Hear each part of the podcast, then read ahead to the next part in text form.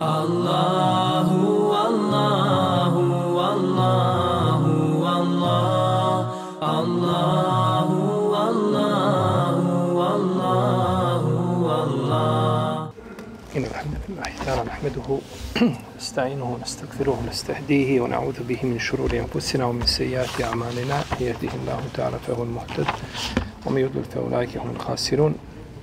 رب اشرح لي صدري ويسر لي أمري. واحلل عقدة من لساني يفقه قولي ثم ما بعد Mi smo počeli u zadnjem našem predavanju sa 164. ajetom, je tako? Inna fi halki samavati u lad, u htilafi lejne u nahari, u fulke leti teđi fil bahri, bima jafu u nas, u ma enzal Allahu mine samaj min ma'in, fa ahja bihi l-arda, ba'de mautiha, u betha fiha min kulli dabetin, u tasrifi riyah. I do kraja ajeta. Pa smo zadnje nešto spominjali o dokazima vezanim za nebo ili nebesa.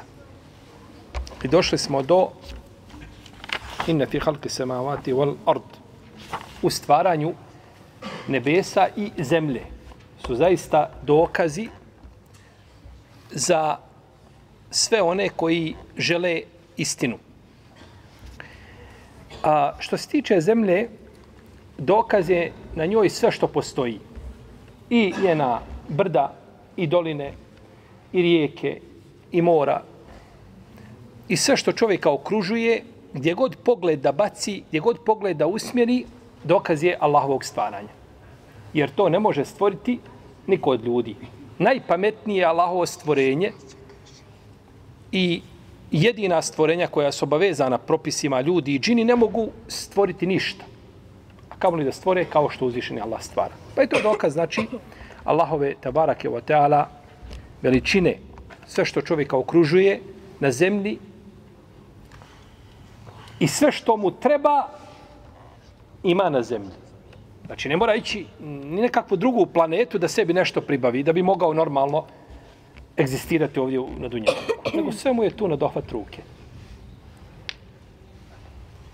I uzvišen je Allah učinio zemlju, jel tako, da bude prihvatište ljudima za vrijeme života i poslije smrti. Elem ne džalil arda kifata, ahja'en wa amwata. I mi smo zemlju učinili da bude prihvatište vaše dok ste živi, dok ste mrtvi. Kada ste živi na njenoj površini, a kada ste mrtvi na, u njenoj utrobi. Pa je, ma, pa je zemlja, kako kaže šeho Islaminum Kajim, naša majka. Od nje smo stvoreni, u nju se ponovo vraćamo, iz, nje, će, iz nje ćemo ponovo biti proživljeni, znači ne možemo bez nje nikako. I sjeta, sjećate se, kada smo a, na početku naših predavanja govorili o analogiji kojom se poslužio šetan i rekao da je vatra bolja od zemlje. Kada je pogriješio u ovaj svome kijasu i nakon toga svi oni koji su ga sledili tobe. Jeli? Pa daju šeitanu prednost nad pokornosti stvoritelja, pa su odabrali znači da budu bliži znači šeitanu nego da budu melekima. A, pa je zemlja znači napravljena tako, tako je stvorena da bude čovjeku korisna. Zamislite da je zemlja željezna. Željezo ispod tebe sve. Gdje god okreneš željezo. Ništa. Da. Zime ne možeš hodati hladno, suviše. Ljeti ne možeš hodati vruće po tome. Ne možeš ništa sijeti, ne možeš ništa, ne možeš, znači, željezno sve kod tebe. Ili da je zemlja providna ti hodaš i sve vidiš kaburove. Dok prođeš pored kabura vidiš kakvo je stanje i kakav je hal. Vidiš ispod sebe šta ima možda dole od vulkana, od, od, od ovaj, šta se sve dešava unutar utrbe zemlje. Možda se čovjek ne bi bilo nikako da živi. Nego uzvišen je Allah stvorio zemlju upravo onakva kakva treba čovjeku za za život. Pa su u tome, znači, dokazi za razumom obdarene. I ne treba posebno govoriti o dokazima koji su na zemlji. Kako kaže imam Zahebi, kaže a, la yasihu fil adhani shay'un idha ihtaja an-naharu ila dalil. kaže, razum ne može ništa pojmiti ako dan treba dokaz da je dan. Tako je čovjek treba dokazivati, pogledaj živ bio, vidi ovo drvo, vidi ovu planinu, pogledaj oko tebe što te okružuje, da je to dokaz Allahovog stvaranja i da uzvišena najljepše stvara, onda a, je upitan čovjekov razum. U ahtilafi lejli wa nahar i u smjeni dana i noći, smjena dana i noći, jedno odlazi, drugo dolazi. I ta smjena biva postepena. A, ta smjena biva postepena. Zamisli da dan biva dok biva. Do, I u sekundi noć, mrak. Vidio si sunce, svjetlo i samo sekunda mrak, ništa se ne vidi. Ili obratno, mrak i od put svjetlo ti udari u oči. Kako je napravljena ta smjena dana i noći? I uzvišen je Allah to opisuje u Kur'anu, kaže Juliđu lejle fin nahar, o juliđu nahara fin lejl. Kaže, a, uvlači dan u noć i noć u dan. E kako je upotrebljen izraz uvlači? Znači, jedno se produžava, a drugo se skraćuje. Ali taj prelaz je, ne, ti ne osjetiš taj prelaz, blagi prelaz i pređeš iz dana u noć kao da se ništa ne dešava oko tebe. Tako iz noći u dan. Sunce iziđe, ujutro zora nastupi, sve se vidi, a sunca šta? Ne. Tek onda izlazi sunce. A tako noć, sunce zađe, ti uvijek vidiš, možeš voziti bez svjetala. To je drugo što će biti kažnjeno. Međutim, vidiš šta? Vidiš sve. Napravljen je taj prelaz da ti ne osjetiš kao, kao, jel tako, kao čovjek, kao Allaho biće i stvorenje, ne osjetiš nikakvu tegobu u smjeni čega? Dane. Pa jedno se produžava, a drugo se skraćuje po sistemu, znači po, po, po, po pravilniku koga je postavio uzvišeni Allah za ođel i ne može, znači, u tom pogledu biti nikakva, nikakva krnjavo. Znaš tačno kada će biti dan, kada će biti... Zamisli ovako. Ne znaš kada će nastupiti noć. ne znaš kada će, ni kada će svanuti. Može svanuti u, u pet ujutru, a može u devet. Ti ne znaš kada će svanuti. Kako bi to optrećenje za čovjeka bilo? Ništa planirati, ništa ne može, nego tačno zaši postavljeno i da, i da to ide, da kažemo, kako kažu milionima, milijardama godina više, jeli, ovaj, kako historija tvrdi, Allah zna koliko je prošlo, da nikada se nije u tom pogledu desilo ništa. Nikakva greška. Pa nema u Allahovom stvaranju manjkavosti. Tabarake o teana. Noć učinio da se ljudi odmaraju. Po dana se možeš nikako odmoriti. Možeš, možeš spavati dva sata, tri. Ovi koji su ovaj bolje spavalice, četiri sata. Ne možeš nikako, treba noć. I Allah je uzvišen učinio noć da se možeš odmoriti. Taman da ti imao roletne, taman da imao da ova imao kakve zavijese, one, one, ništa ne koristi nego znači noć je učinio za odmor. I kogod želi da promijeni to, taj sistem, ne može, ne može to promijeniti. I zato čovjek kada radi cijeli život, radi treću smjenu, ne može ga pitati se privikao. Nije se privikao. Cijeli život treća smjena, on se nije privikao. Ne može se priviknuti zato što je to suprotno. On me, ne kaže mi da to je zabranjeno. Radi, Allah te poživio. Nije problem. Međutim, ovaj ne možeš se priviknuti nešto što je suprotno onome što uzdišeni Allah šta stvorio na zemlji. Pravilnik koji je uzvišeni Allah postavio na zemlju. A, dan, htilafi la idemo dan, kada u šarijetu počinje dan? Ne mislim na dan zalaskom sunca, novi šarijetski dan, nego mislimo dan kao dan, kada mjerimo dan i noć. Kada bi dan počinjao? Tu je razilaženje među učenjacima. Znači, ulema se razišla kada počinje dan. Jedni kažu učenjaci počinje izlaskom sunca. To je dan. Sve do izlaska sunca se ne računa, računa se šta? Noć. Iako je malo svanula, međutim računa se šta? Noć. Kao posle zalaska sunca ti vidiš, još uvijek se vidi, ima svjetla, ali je šta? Noć. Tako kažu ujutro isto. Drugi učenjaci kažu ne, dan nastupa nakon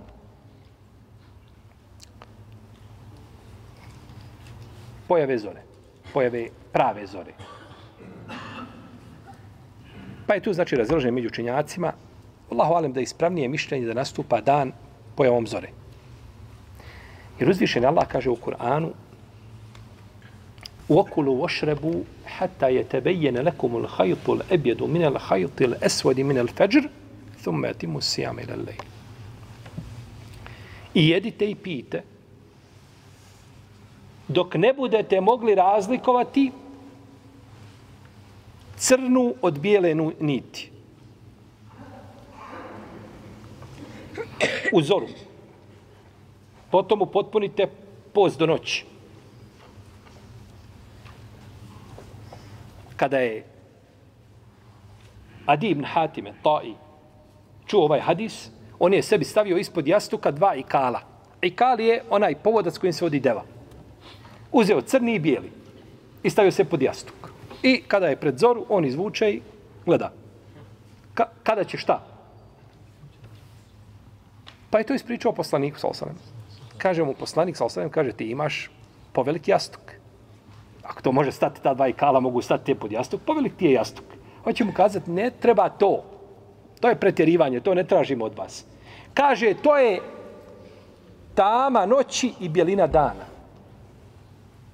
Pa je ovaj hadis jasan dokaz da dan nastupa kada? Pojavom zore. Jer počinje tada post i poslanik mu sala odobrio njemu, nije rekao to je pogrešno opće, što to gledaš, što ne gledaš u sunce živi bio, što, što kako gledaš u, u pojavu zore i ne zore i, i rasvanuće, gledaju sunce, kad iziđe dan je, kad, ovaj, dok nije izišlo nije dan i ne moraš, nego mu, je, nego mu je odobrio, znači, ovaj smisao, a to je da treba gledati kad nastupa šta? Zora. Samo mu je ukazao da se radi, znači, kaže, to je tama noći i bjelina dana. Pa dan nastupa dok počne šta? Dok počne, tako, rasvanuće. Tako da kada dođe hadis poslanika, sa osreme, onda mm, riječ koliko god da bile, ovaj, kogod da ih kazao, one imaju svoju vrijednost u smislu ičtihada, da čovjek ima nagradu, ali ne mogu biti prihvaćene pored riječi poslanika, sa Isto tako hadis Ajše, kod Buhari, kod muslima. Kaže poslanik, sa osreme, Bilal uči ezan po noći, a, Bilal uči ezan po noći, pa jedite i pijte dok ne čujete Abdullaha ibn Mektuma da uči ezan. Ako Bilal uči po noći, kada Abdullah uči? Po danu. Kad se rasvane. Kad pođe svanuće, početak. A. Jer ako Bilal uči po noći, Abdullah ima po, uči po noći, kakva je, kakva je, kakva je smisla Hadisa? Hadis ne bi imao svoga smisla, to je nemoguće. Bilal uči jezan po noći, a vi jedite i pijete dok ne bude učio ko? Ibn Mektum. Znači da on uči ezan u jednom drugom vaktu. A to je šta? Dan. Znači počeo je da se pojavi prvi znakovi zore, mu jezin je dužan da uči šta? Ezan sabahski, to je taj ezan koji dozvoljava namaz, a zabranjuje jelo i piće onome koji posti. A prvi ezan, ili da kažemo prva zora, bolje kazati, ona dozvoljava čovjeku da jede i pije i da klanja noći namaz, a zabranjuje mu šta? Molim? Sabah namaz. Sabah, to je prije vakta. Ne može klanjati. Prije je sabah. To bi znači bilo prije čega? Prije vakta. Jeste. Pa je... Ovo su znači ovdje jasni dokazi da je šta? Da je dan biva nastupom zore, prave zore. Prave zore. A, dobro, šta je, što mi kažemo, pojenta u svemu ovome? Autor je spomenuo ovdje, kaže, kada bi čovjek rekao drugom, kaže, vallahi, neću s tobom pričati dok ne osvane dan naredni. U ponoć u 12 sati, kaže, vallahi, neću pričati s tobom dok ne osvane. I progovori sa njim prije izlaska sunca na pola sata. E, kako si dobar, se spavao? E, kaže, aj ti, jesam bio, ja sam se spavao fino, a ti, ajde, sad vidi ovaj pa na hrani deset siromaha, ili im odići kup, ili se... Kaže, što? Pa kaže, ti si progovorio sa mnom prije nego što je šta? Osvanulo. Pa kaže, kada? Pa kaže, dan biva tek kada šta? Iziđe sunce. To je njegovo mišljenje. Ovaj kaže, nije, kaže. Kod mene je dan kada iziđe šta? Nastupi zora. Pa bi bilo da li je dužan da se šta? Iskupile, Ili ovako. Kaže mu ženi. Ako osvane. Ako osvane. I ja s tobom progovorim razvede nas. I nastupila zora, on klanjao sabah i hajde, kaže, daj nam kahu da popijemo. Kaže, to znači da sam razvedena. Kaže, nije. Kaže, razvedena ste kad iziđe šta? Da sam pričao s tobom kada je sunce izišlo, onda bi bila šta? Ali ja sam progovorio s tobom prije nego šta, šta je? Što je sunce? Izišlo. Pa nisi razvedena. To bi bila, znači, ili, ne znam, kaže, čovjek dođe kod šefom dogovori, evo ti kaže ključevi, evo ti firma, vodi firmu, ja znam da si ti dobar momak, ja odu u Australiju nazad, ja sam tamo zaposlen svojim biznisom, ti vodi firmu i dolazi na posao od početka do kraja dana. Hoće svaki dan da se radno mjesto od početka do kraja dana. Kaže, dobro. I ovaj ode, vrati se nakon tri mjeseca, kaže, kako firma ide? Kaže, super, kako radiš? Kaže, dolazim početkom. Kad dolaziš? Kaže, dolazim kad sunce izađe. Kaže, kako kad sunce izađe? Što ne dolaziš posle zore odmah? Hoću saba da mi klanjaš unutra. Pa se razišli oko čega? Znači, pitanja bi se bilo vezana kada počinje početak dana. Što bi bilo, znači, sve ovaj utjecalo na propis. Šta je ispravno? Šta smo kazali? Da počinje zorom. Jesno. Zorom počinje novi dan.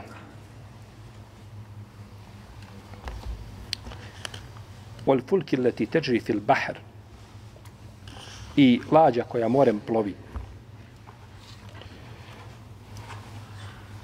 Lađa koja morem plovi, pored toga što je ima veliki tovar na sebi, to je sunnet Nuha a.s. Lađa. Kažu da je Nuha a.s. prvi koji je napravio lađu. Allahu alem, spominje se da je on napravio definitivno. Međutim, da li je prvi? Ako za to ima dokaz, onda međutim, ovaj a, u lađama su isto, kako kaže imam Ibn Arabi, kaže da je lađa prevrnuta ptica. Kako je ptica u zraku leti, iza nje nebo plavo, tako je, kaže, lađa okrenuta samo i, kaže, ispod nje šta? More. Plavo. Pa je u lađama znači isto pouka za ljude koje plove morem. I u ome ajetu je i njemu sličnim ajetima je dokaz da je dozvoljeno koristiti znači more da čovjek plovi po moru. Bilo da se radi o ibadetu, da ide da obaje određeni ibadet, poput hađa i umre, bilo da ide radi trgovine, radi bilo koje druge koristi, nije znači problematično. E, ima hadis koga bilježe sabirači sunena, od Ebu Horeira radijallahu ta'ala anhu bilježi ga ima Mahmed ibn Hibban i drugi i hadis je ispravan da su ashabi kazali poslaniku sa osvame, kaže Allahu poslaniće, mi plovimo morem. I često imamo sa sobom malo vode. Kaže, ako budemo abdestili s tom vodom, kaže, bit ćemo žedni. Možemo li, kaže, abdestiti morskom vodom? Pa je rekao poslanik sa osvame, huat tahuru ma uhu el hilu mejtetom kaže, more, njegova voda je čista, a ono što nađete a, mrtvo u moru, to je halal da pojedete.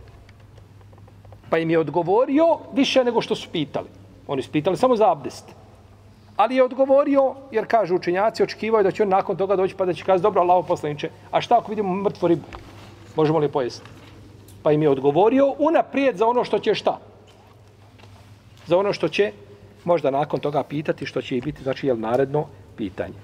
Neki učinjaci kažu da je, da je ovaj hadis, da je u stvari a, pola znanja. Kažu, jer znanje je vezano za kopno i za more. A ovaj hadis je vezan za more. Pa kažu, on je riješio problem mora. Možeš i abdestiti, znači, možeš se i kupati tom vodom, možeš i, i, ovaj, i jesti ono što je u moru. Pa kažu, on je pola, on je pola znanja.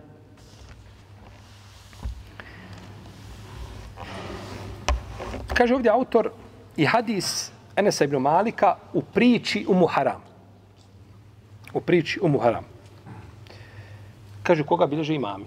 Tako je spomenuo hadis. Ponekad učenjaci spomenu hadis zato što je on poznat među ljudima. Tako. Pa samo ti kaže hadis Omara. Ha, Mi govorimo o nijetu i kažemo hadis Omara je dokaz, jel tako? I nemena malo bi nijat, jel tako? Pa, kaže ovdje autor, hadis Umu Haram, koga bileže imami. Bileže ga Buharija i Muslim i ostali. Ali nije spomenuo hadis. A radi se o hadisu da je poslanik sa osvijem dolazio kod Umu Haram kada bi išao u mesečedu Kuba, on bi prolazio pored njene kuće. Ona je bila žena u ibn Samita. Pa bi prolazio pored njene kuće i uša svratio bi kod nje. I ospavao bi kod nje, malo pojeo nešto i nastavio dalje ići u Kuba. Pa je legao jednog dana da spava kod nje, pa je ustao i osmijehiva se, smije se, smješka se. Pa kaže Allah poslaniče, kaže, što se, kaže, smiješ? Kaže, usnio sam, kaže, a moje ashabe kao borce na Allahovom putu, kaže, putuju morem kao kraljev na prijestoljima. Kaže, Allah poslanič, kaže, dovi Allaha da ja budem od njih. Dovi Allaha da ja budem od njih. Pa je dovio. Pa je opet legao, namjestio sebi jastuk i ponovo zaspao. Pa se nakon toga promijenio i ponovo, pa, pa probudio i ponovo se smješka. Sallallahu ala rasulillah. Kaže, Allah poslanič, kaže, što se smiješ? kaže, ustio sam, kaže, moja sahabe, kaže, plove morima kao borci na Allahovom putu izgledao kao, izgledaju kao kraljevi na prijestolima. Kaže Allah poslaniče, dovi Allah da ja budem od njih. Kaže, ti si među prvima.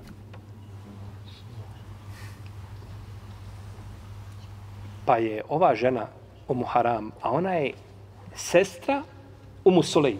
Ona je tetka Enes ibn Malika, ravi hadisa. Zato nam Enes prenosi taj hadis o svoje tetke. Ona je Umu Sulejm bint Milhan, a ovo je Umu Haram bint Milhan, dvije sestre. Pa je rekao Enes ibn Malik, kaže, kaže, pa je u vrijeme Muavije ova žena bila na na moru, plovila more. Išla sa ljudima. I kaže, pa je pala sa životinje i kada je došla i nakon toga onda umrla. Pa je poslanik rekao da će ona biti prva koja će ploviti šta? Morem sa njegovima sahabima. Radijallahu ta'ala anha. Kaže, Enes ibn Malik nije poslanik, sa sam. Dolazio, kaže, ni kod jedne žene i ulazio u kuću, a da, njema, da nema njenog muža osim u Muharam. U, ne ulazi u kuću ako nema koga? Muža. Osim kod žene Umu Haram, kod nje bi došao, ako nije bio njen muž kod nje. Naravno, možete neko pitati dobro. Znači li to onda da čovjek može otići ponekad, ako je zaboravio ključ, da ospao kod komšinice posahat? I uzme hadis iz Buharije i muslima. Kaže, evo, evo, postupak, je li vjerodostojno? Jeste. Naravno, na ovo postoji odgovor. Ovo postoji odgovor. Odgovor je da li je poslanik sa u tom pogledu kao ostali ljudi? Postoji li bojazan kad se poslanik sa osam osami sa ženom da se desi ono što se dešava s drugim ljudima? Postoji li ta bojazan? Ili ne postoji? Ne postoji definitivno. Toga sačuvan, sallallahu sallam. To ne postoji. I to je slabiji odgovor. To je slabiji odgovor. Ima jači odgovor od toga. Ovo je slab odgovor. Ima jači odgovor od toga. A to je da je ova žena u Muharam, da je njoj poslanik sva bio mahrem. Ibnu imame Neovi, Šerefuddin, kaže da nema razilaženja među učenjacima da je u njoj bio mahrem. Da je to konsensus. Samo se razilaze s koje strane mahremijet. Je li mu bila tetka po mlijeku ili je bila tetka njegovog babe ili razilaženje u tom pogledu odakle mahremije došao, ali se ne razilaze da je, da je bio šta? Da je bio mahrem. Da je bio mahrem. Tako da dokazivati tako predajom po spoljašnosti nešto čovjek vidi i on zaključi na osnovu toga, to je neispravno. Nego mora znači znati biti stvarnost. Nemoguće je da poslanik ali nama brani jedno, a da čini drugo osim šta? Ko će im kazati? Da nam to pojasni. Je li zabranio da čovjek oženi više od četiri žene? A on je činio. Pa će ti, znači, doći pojašnjenje će ti biti zašto činim, zašto jedno ovako, zašto vam naređujem jedno, a ja činim šta? Suprotno tome, ako smijemo tako kazati. Jer je to onda propis koji vredi eksplicitno, znači samo i izričito za poslanika Muhameda sallallahu alaihi wa alihi wasallam. Naravno, a, more, more je priča za sebe. O moru su govorili islamski učenjaci puno i o propisima koji stiču mora. Znači, o raznoraznim propisima su govorili vezanim za more, ovaj, a, jer ljudi su tada putovali, putovali su kako su putovali, zamislite onda kakva je danas potreba da znaju šta te, te iste, znači, jeli, propise. Pa su govorili od propisa mora, kažu, putuju ljudi lađom. Danas se putuje drugačije sve, tako. To je sve ovaj uređeno kraljevski. Ljudi putuju morem i putuje se po, po mjesec, po dva i neko umre na lađi. Šta ćemo s njim? Šta ćemo s čovjekom koji umro na lađi? Kaže učinjaci, okupati ga, kasrati ga, umati ga u kifine, ako imaju kvin, naravno, a to je to se moglo pretpostaviti ako se putuje, jel tako da može neko idu ljudi na hadž, lako se desi da neko jel tako prese. Klanja mu se dženaza. Do tog momenta sve u redu. Dobro, nakon toga e onda je razilažen i učenjaci. Šta s njim? Šta s njega? Kažu Hanefije, spusti se u vodu. Tako kažu i Malikije. Još Malikije kažu, spusti se na desnu stranu i kaže se Bismillahu ala sunneti Rasulillah kako ide šta? Kabor. Nisu ni to zanemarili islamski šta? Učenjaci. Nego po sunnetu, ja nemam gdje da ga ukopam. Naravno, oni svi uslovljavaju ako nije obala blizu i ako se neće blizu pristići i magnikije kažu ako se neće početi mijenjati tijelo mejita. Jel u redu? Ako se pođe mijenjati tijelo mejita, eh, jel tako da uznemirava druge, ide u more. Šafije i Hambelije su a, imaju u ovom pogledu različita mišljenja po pitanju spustanja. Šafije kažu stavit će se između dvije daske i zavezati, tako će se pustiti dok ga negdje ne izbaci more, tamo da ga neko ukopa. A Hanbelije imaju suprotno mišljenje. Kažu, zavezat će mu se za noge težak predmet. Kamen ili nešto da ga vuče dole na nišenje. Jer kažu ako dođe tamo mogu ga naći divlje zvijeri, možda možda nisu muslimani tamo, možda neće niko kopati, možda možda biti može biti tijelo to truplo može biti izloženo nekakvim ovaj poigravanjima sa njim ili, ili poniženjima i tako dalje. Skrnavljenju trupla leša muslimana. Zato kažu vam, Belije, zaveže se, to tako kažu neki, i malikije neke kažu to da mu se zaveže, pa da se pusti u more. Je li to pitanje koje je praktično? Jeste. Može se lako desiti. Naravno se nekada moglo dešati. Danas možda, vjerujem da imaju tamo i hladnjače, tako, čuvaju mejta. To je preče, naravno, sa, sačekati nego ga pustiti u more. Međutim, a, ljudi koji plove dugo i pođe se mijenjati tijelo mejta, ali tako i pođe ovaj, da, da, da se osjeti tako neprijatan miris, on se mora, znači, a, pustiti u more. Isto tako kažu namaz u džematu. Klanja se na jednoj, na jednoj lađi u redu. Šta ćemo kad imaju dvije lađe plove jedna iza druge? Na prvo je Efendija. Prouče nezani kamet. Efendija kaže poravnajte se i ovi iza nas kaže poravnajte se. A lađa druga nije ista lađa. Može li to tako? Raziš se islamski učinjaci. Kod Hanefija to ne može. Kod Hanefija ne se biti rijeka između imama i muktedije. Osim kažu ako su lađe blizu, blizu jedna, jedna ne posredno blizu druge, pa kaže onda imaju propis jedne lađe. U protivnom, ima neo i kaže ako nisu udaljene više od 300 podlaktica. To je 150 metara. Ako su više od toga, jel, ne bi se mogao čuti zvuk, ne mogao glas čuti. Imam Ibn Haz može kaže uvijek, ko, kakvi uslovi, ko, ko, ko, ko je postavio uslove? Može uvijek. Različni su učenjaci pa popitaju namaza, šta? Ovaj, na u džematu jedna lađa je u redu, ali kada su dvije lađe, kažu, a, propis su takvi. A, isto tako, govorili su o propisu obavljanja fiziološke potrebe u more. Govorili su o pitanju lađa se raspala. I ti ostaneš na, na jednoj dasti, malo i sam. I dođe vrijeme namaza. Allahu ekbar. Ruku u redu. Spustio si ti koljena na seždu, a gdje ćeš sad činiti seždu? Može li na more seždu? Može li gdje? Sežda na more. Koliko će ljudi biti u takvoj situaciji? Ha? U 20 stoljeća možda trojica. Međutim, ni to nisu ostavili. Naravno, ova pitanja nisu od primarne važne, da se razumijemo. Jer imate danas ljudi, ma jedna bolest među ljudima, kažu, pričaš, kaže, to nisu prioriteti. Znači, treba pričati samo o čemu? O prioritetima. Sve što izlazi iz onoga što je rukn i farz i vađib strogi, sve mimo toga, to nisu prioriteti, je tako? Jer kad gledaš sunnet u odnosu na vađib, to nije prioritet. Ovo je primarno, onda ovo sekundarno, ako bi tako smijeli kazati. Ne smije tako spomenuti propis kakav je.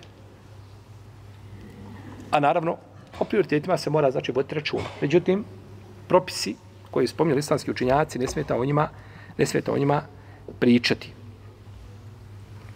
Isto tako govorilo čovjek koji je stalno putnik na moru. Je on dužan da posti Ramazan? Putnik. Nije. Nije. Doćemo još malo, nismo daleko do Ramazana. I po pitanju tefsira i po pitanju čega? Ramazana, mjeseca, je li tako? Čovjek nije postio Ramazan zato što je putnik. Australija, Amerika, Kina, kruži on. Dobro, kad će napostiti? Putnik je dužan, e, fe iddetum min ejamin uhar, da naposti dan za dan. A on nije šta? Kad će postiti? I o tome su govorili. I zato sam belije kod takvog, oni su to poništili sve, nema ništa olakšica. Upotpunjavaš namaz, klanjaš četiri kjata i nema, prostiš Ramazan, završena priča. Neki su kazali, učenjaci, poput Ibnu Sejmina, kaže, može se, kaže, ovaj, odgodi dok je zima, hladno i na moru je hladno, lakše post, kraći dan, je tako? Može, ali mora na post. Iako je šta? Protiv on bi, on bi sebi, ovaj, e, je tako, ibadet postao, to bi kod njega ne, to kod njega ne bi postojalo nikako. Govorili smo po pitanju zekijata. Kažu zekijat na ono što iziđe iz mora. To što se izvedi iz mora. Da se to zaje zekijat? Imam Buharija je spomenuo u svome sahihu poglavlje, kaže, u poglavlju zekijata, kaže, ono što se izvadi iz mora.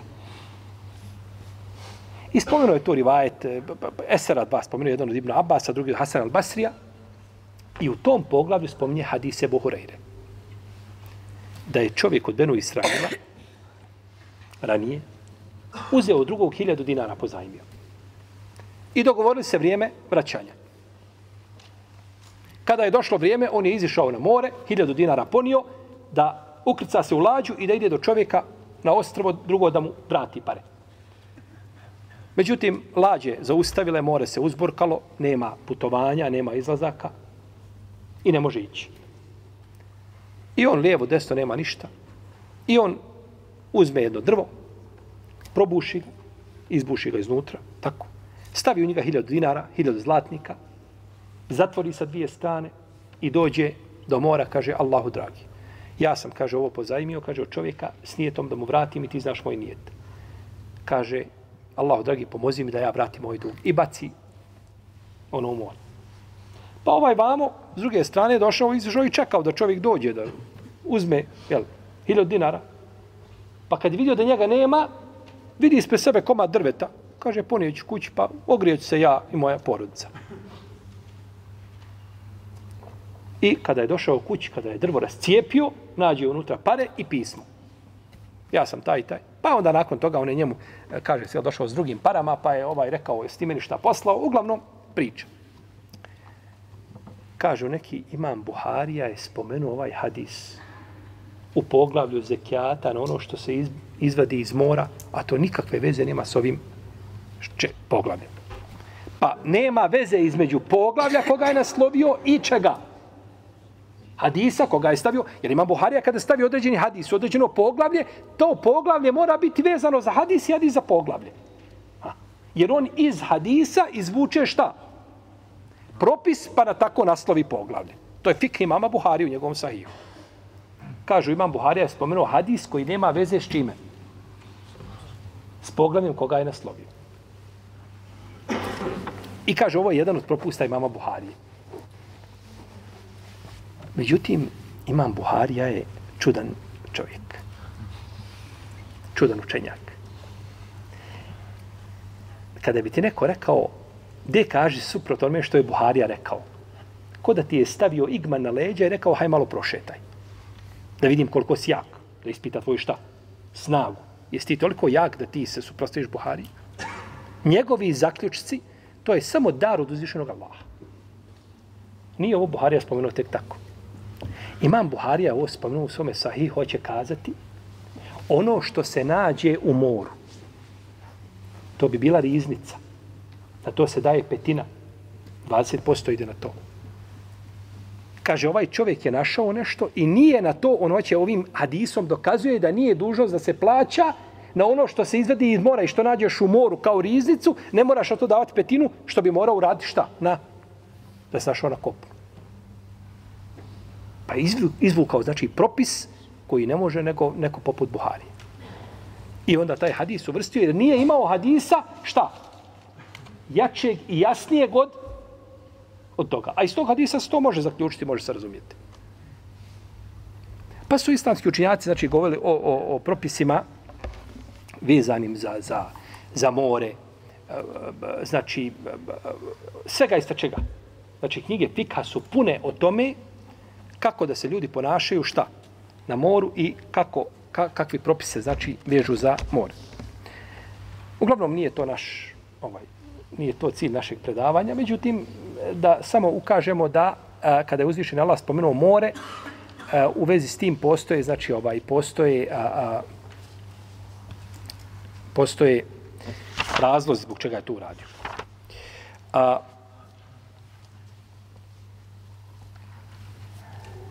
Znači, šta smo kazali? More je spomenuto, jer su njemu a, velike pouke za ljude.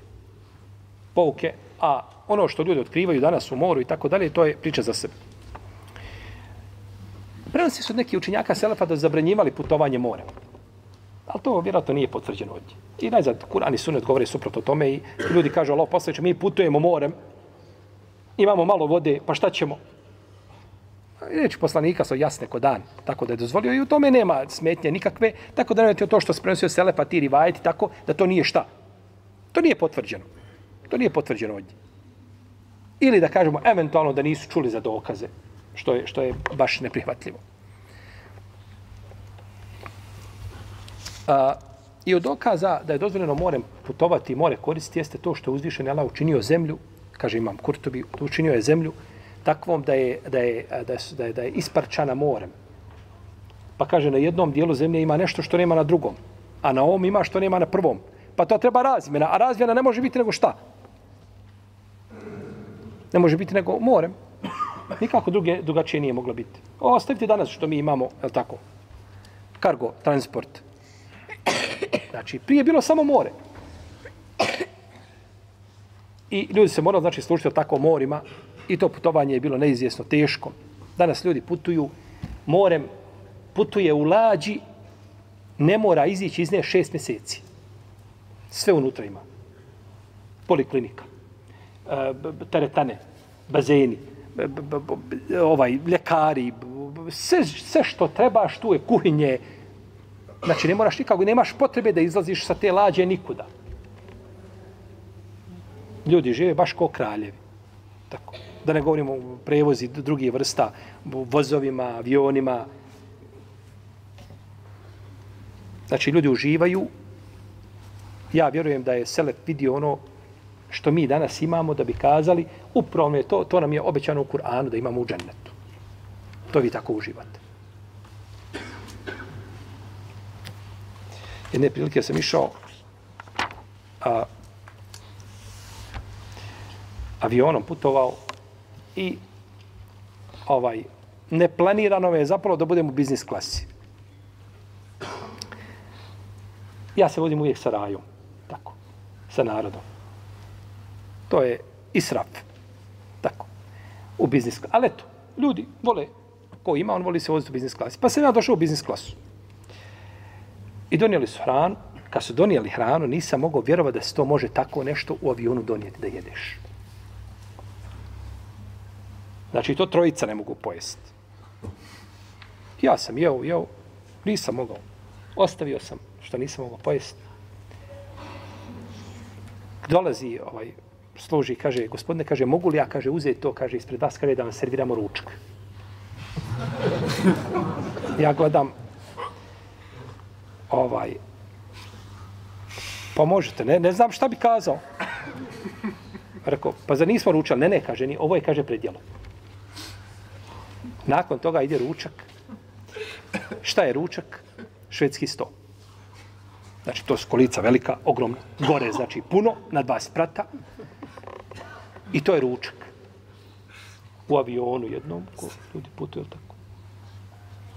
Allahu dragi, kakve blagodati ljudi uživaju, kakve blagodati imaju, kako su ljudi se nekada patili, kako su bili, o čemu, pa nisu fakihi pričali o tome kad čovjek umre, gdje ćemo, ćemo vezati kamen, neću vezati kamen, nego zato što putujem tri mjeseca, od, negdje me vjetar od, odnese na drugu stranu, ne znam ni gdje sam ni šta sam. I šta se je lađi raspadalo i kako su ljudi prolazili sa učenjacima, se dodešavalo.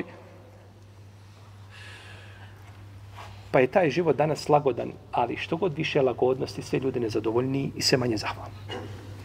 Sve manje zahvalnost. Uzvišenom Allah za ođe.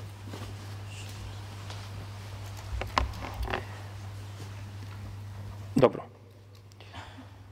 Prenosi se od imama Malika da je zabranjivo ženama da putuju lađom. Ne mogu žene šta? Na lađu. Kažu, žene ne mogu na lađu. A imam Ibn Abdelber kaže, to imam Malik smatrao pokuđeni. Međutim, neki malikijski učenjaci kažu, nije imam Malik smatrao da je zabranjeno putovati općenito lađama. Nego lađama, kaže, koje izbili si džaza, koje izbile male, lađa, 5 sa 2, 10 kvadratnih metara, na njoj 20 ljudi, 30 ljudi, i žena ima svoj potrebe, je tako? Gdje će otići, gdje će žena, jel tako, sakriti se, gdje će izaći, obaviti fiziološku potrebu. Kako će abdesti, šta će? Kažu, to ima Malik zabranio te lađe, a nije zabranio velike lađe i sičaza koje su bile tako, koje su bile, za nije poslanik navodi primjer ljudi u lađi, jedni dole, jedni gore. To je lađa na šta, na dva? Pa brata. Znači, nije to što je potvrđeno, ako ima Malik to zabranio, zabranio je čime? S razlogom i povodom. Protivnom, jeli, ženama je dozvoljeno da koristite blagodati kao i muškarci, bez imalo, bez imalo sumnje.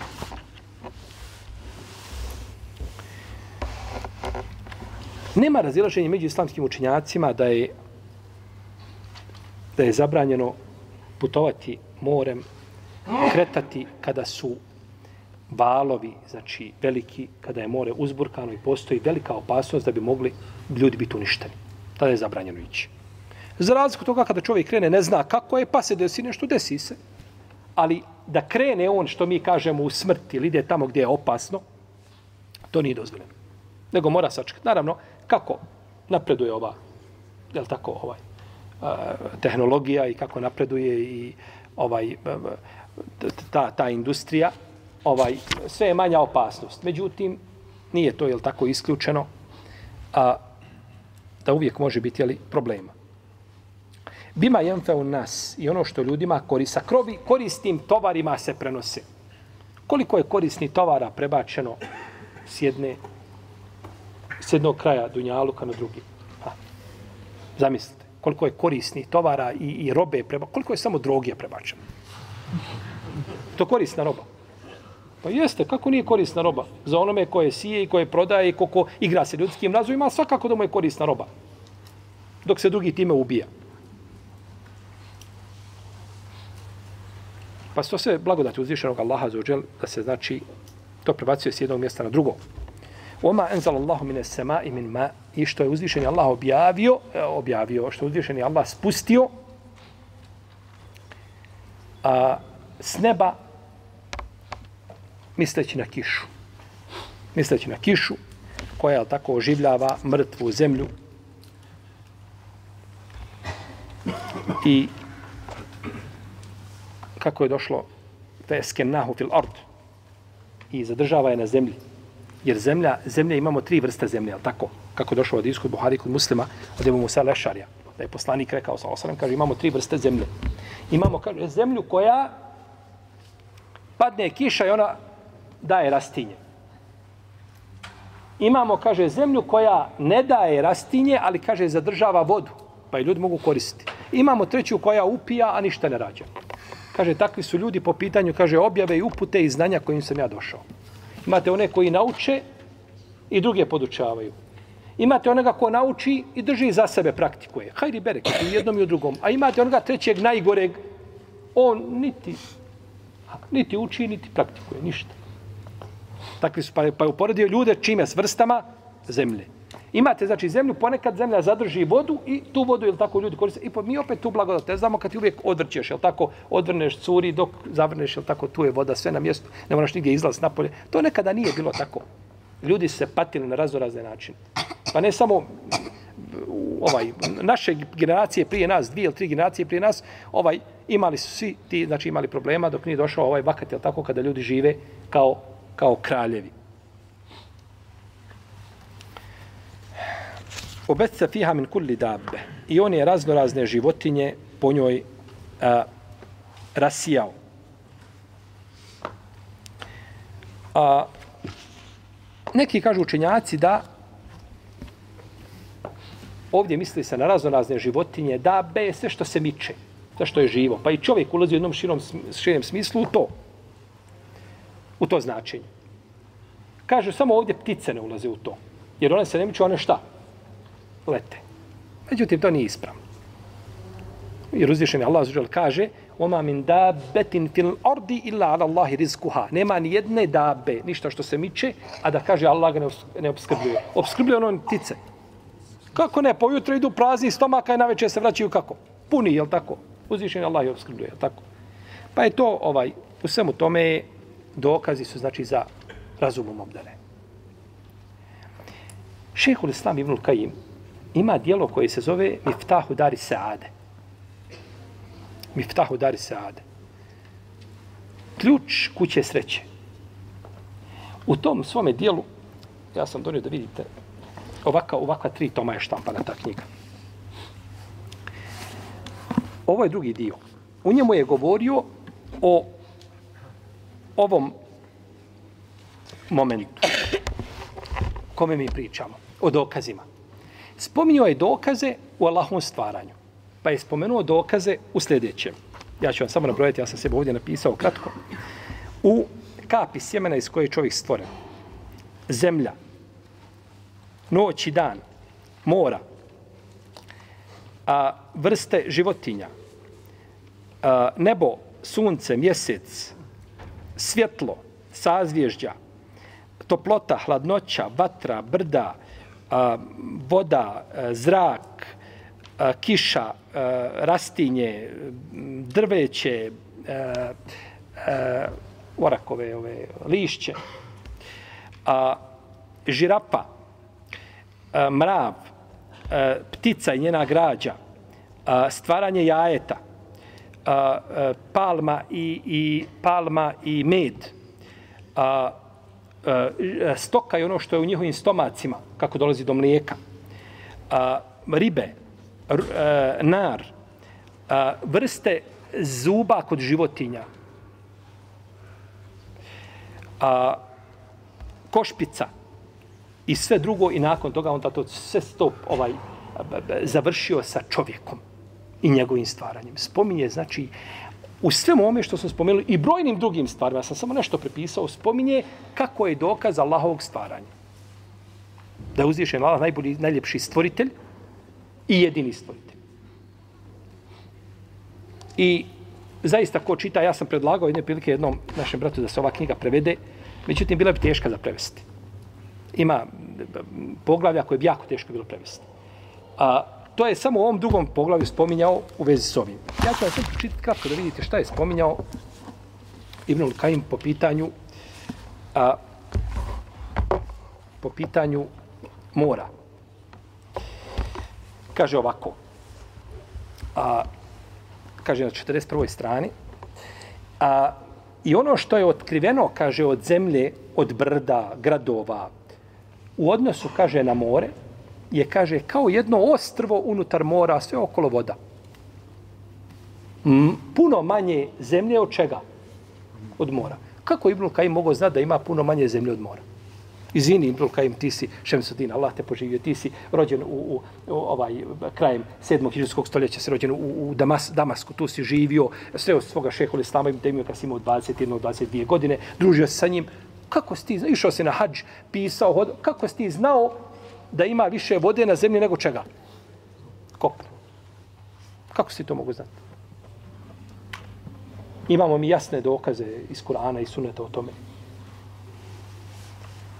Kaže, potom je spomenuo hadis koga bilježi ima Mahmed u svome musnadu, kaže, svaki dan more traži, kaže, dozvolu od Allaha da potopi ljude. Tako je spomenuo, hadis je u osnovi kod Ahmeda u musnadu je da tri puta traži. Tri puta pogleda u kopno i traži dozvod Allaha da poklopi ljude, da prekrije kopno. Pa kaže uzvišeni Allah to ne dozvoli.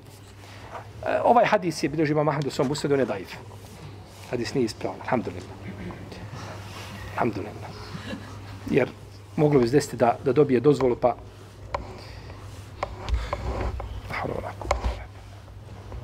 Kaže Ibn Kajim dalje i dokaz su, kaže, lađe koje plove, kaže, nemaju, kaže, one upravljača, nemaju ništa, nema, nije bilo kormilara nekada ako danas, pa da on može, vjetar kad te ponese, on tebe odnese. A, ti ne možeš ići nego u tom smjeru. Pa je, kaže, u tome je svemu dokaz, Jer uzvišen Allah kaže u min ajatih il džavari ke bahri a'lam i od njegovih dokaza jeste, kaže, lađe koje kao brda plove more. Mi mislite da mi to treba biti tako, tako gore lađa, ona je šuplja, to nešto treba biti, treba zato što uzvišeni Allah hoće tako. Ptica nije u zraku, nego zato što uzvišeni Allah hoće. Ma yumsiku hunna illa rahman. Samo milostivi je drži niko drugi. Ma, ma u redu šuplja kosti, sve, sve to Allah tako stvorio da bude zbog toga. Ali uzvišeni Allah drži kao i nebesa što drži da se ne, ne sruče na zemlji. Pa je, kaže uzvišeni Allah uzuđel, in je še, kaže, in je še, juskini rijah, fe je zalne revakide ala zahri. Kaže, kad bi Allah htio, kaže, on bi, kaže, umirio more, ne bi bilo vjetra, kaže, pa bi ostale na površini, ne, ne može niko da bit ćeš tu šest mjeseci. Niko pomoći ne može nego stalo, znači ljudi, niko nije rekao stalo je more i tu su ljudi pomrli na moru. Nego uzvišen je Allah daje, znači vjetar, da ljudi se mogu koristiti njime da prelaze s jednog kraja na, na drugi. I kaže, potom Ibn Kajim kaže, i kaže, ovaj, kaže, u, u, kaže, ajeti u moru su, kaže, puno veći od toga da i može pobrojati bilo koji ljudi, samo uzvišeni Allah. Kao da je živio u našem vremenu, kao da je saznao nešto ti otkrića, šta ima, jel tako, more tame. Uh, ke bahrin luđijen jak šahu min fauqihi meuđun min fauqihi sahabun zulumatun ba'duha fauqa ba'd. Uzvišeni Allah kaže da su u moru, da su tame jedna iza drugi. Pa to danas otkrivaju, moraju životinje koje dožive, mora imati, jel tako, mora svijetliti sebi da mogla vidjeti, jel tako, da živi. Pa su u tome veliki, znači, ovaj ajeti ljudima. Spominjao i druge stvari, Ibn Al-Kaim, u ovoj zaista zanimljivoj knjizi, kaže, ovdje je spominjao a, vezano za za slona. Ne za slona, nego za surlu slona. Kaže, slon ima surlu. Kaže, i kaže, kaže, to je, to je, to je od Allahovi, kaže, ajeta. Sudla ta, kaže, umjesto ruke ako čovjek. Da nema sudle, ništa, da bi mogao... I kaže, pogledajte slona njegove građe, da nema surle. On kaže, nema vrata nikako. Kako bi se on mogao sagnuti da nešto uzme sa zemlje? Ne može. A da ima vrat dug poput žirafe, glava mu je toliko teška da bi mu oborila, oborila mu glavu i uvijek glava bila na zemlji. Tako. To bi lav jedno dočekao. Znači, on, on ne može dići. Pogledajte žirafe. Koliko vrat ima dug, a kako je glava malo vreća od ljudske, je tako? A tako isto je deva. Zbog dugog vrata. I deva ima tako dug vrat, kažu učenjaci, od ti dokaze, kaže, kad se diže, ona ispruži vrat na, na, naprijed da se ne bi prevalila nazad. Pa da ima balans, ravnotežu s tim vratom svojim. E kaže, tako i kod slona. Tako je, kaže, njegova građa. Pa kaže, pitamo, kaže, one koji su, koji poriču, kaže, Allahovo stvaranje, kaže, ko je to, kaže, učinio tako sklad u tome? Ko je učinio taj sklad? Čitao sam u knjizi kod imama El Džahilza. Ima knjigu koja se zove El Hajvan. U osam tomova štampana. Sve o, o, o životinjama. Kaže, zeca, kaže, ne može ništa stići zato, kaže, što kad ide uzbrdo, ne može ga stići ni pas, ništa, kaže, zato što ima duge zadnje noge, a kratke prednje. I samo ode, skače. Kaže, osim psa koji, kaže, isto ima kratke noge, kaže, prednje, a zadnje duge. E, kaže, on ga stigne. I sam znao da ima pas, da ima, možda to nekad bila nekakva vrsta. To džahiz, imam džahiz, to spominje. A, u, u, tim, u tim ajitima i u čidima, čudima koja su vezane šta za životinje. I spominje imam Ibn Džauzi u svome dijelu Sifatu Safo. Kaže da jedan čovjek, i to prenosi imam a, Ibn El Imad u svome dijelu Šetaratu Zeheb, fi ahbari men Zeheb. On je od učenjaka 11. hiđarskog stoljeća. Prenosi to od Ibn Džouzija što je rekao. Kaže, bio jedan čovjek, kaže, vidio sam, kaže, vrapca, dolazi, kaže, na jednu palu, uzima, kaže, datule i, kaže, nosi na drugu palu. Kaže, pa nisam, kaže, mogao, kaže, što će vrabac, ne ide datule? Kaže, nisam. Kaže, pa sam se popeo na drugu palmu da vidim šta je gore. Kaže, kad gore, kaže, slijepa zmija. On dolazi i hrani je. Allah počinio vrabca koji je poslastica kome? Zmiji. Učinio je da dolazi... Ko je to nadahnuo tu životinju da dolazi da hrani ovu slijepu životinju? To je Allahu nadahnuće. To je to znači islamski, ono mi spominjemo ono što islamski učenjac spominje, rekao rekao na kakve hićaje, priče, odakle su potekle, u redu. To spominju pravnici. Ibn Kajim spominje u svome dijelu ovdje na, na, na, na, u poglavlju o mravima na 150 150 150 strana. Spominje priču jednu. Kaže ima ovdje kaže jedna čudna priča. Spomenuo je priču. Kaže bila su kaže bio je kaže jedan mrav, vidio sam kaže kaže prenosi, govori kaže čovjek koji je pouzdan. Vidio sam kaže mrava da je došao kaže do bio po, polovina od, od skakavca ostala mrtav skakavac. Kaže pa je došao kuži pokuša da ga ponese, ne može. Kaže pa je otišao po družinu. Ode po družinu, vraća se, a ja kaže uzmem, dignem, uzmem ga ovaj tu polovinu. I kaže oni dođu na to mjesto i kolaju, kruže, kolaju, kruže, nema. I kaže odu, odu, kaže ja vratim. Kaže ponovo se vrati ovaj mrav, proba, dići ne može. Ponovo kaže po družinu, ja kaže uzme. Ponovo mrav, ne, družina dođe, kolaju, nema. Odu, ponovo se vrata, tako tri puta. Treći put kaže ja ga dignem, dignem tu polovinu. Skakavca kaže dolaze oni, kaže kolaju, nema. Kaže napraviše mrav jedan krug, a taj kaže mrav u sredini što je izradio. Jel? U sredini. Kaže, pa su, kaže, na srnu na njega, kaže, da ga nisu raskomadali. A ja, kaže, gledam. Ko je to nadahnuo tu životinju da ona dođe i da ne dozvoli da je neko izigrava? Kažem, to spominje Ibnul Kajim, gdje? Zapamite. 2, 150, 151.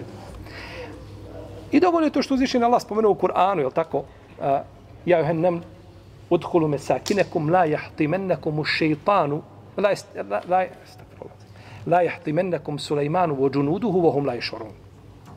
Nemojte, kaže, da vas pogazit će vas Sulejman i njegova vojska, oni šta?